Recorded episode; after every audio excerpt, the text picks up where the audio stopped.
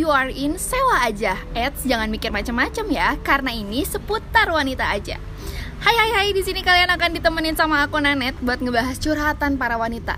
Nih, karena pada dasarnya wanita itu punya seribu bahasa yang sulit banget buat di ngertiin. Kenapa sih? Nah, kita bakalan bahas di episode selanjutnya. Don't forget and I'll be back di sewa aja selanjutnya. Bye ladies.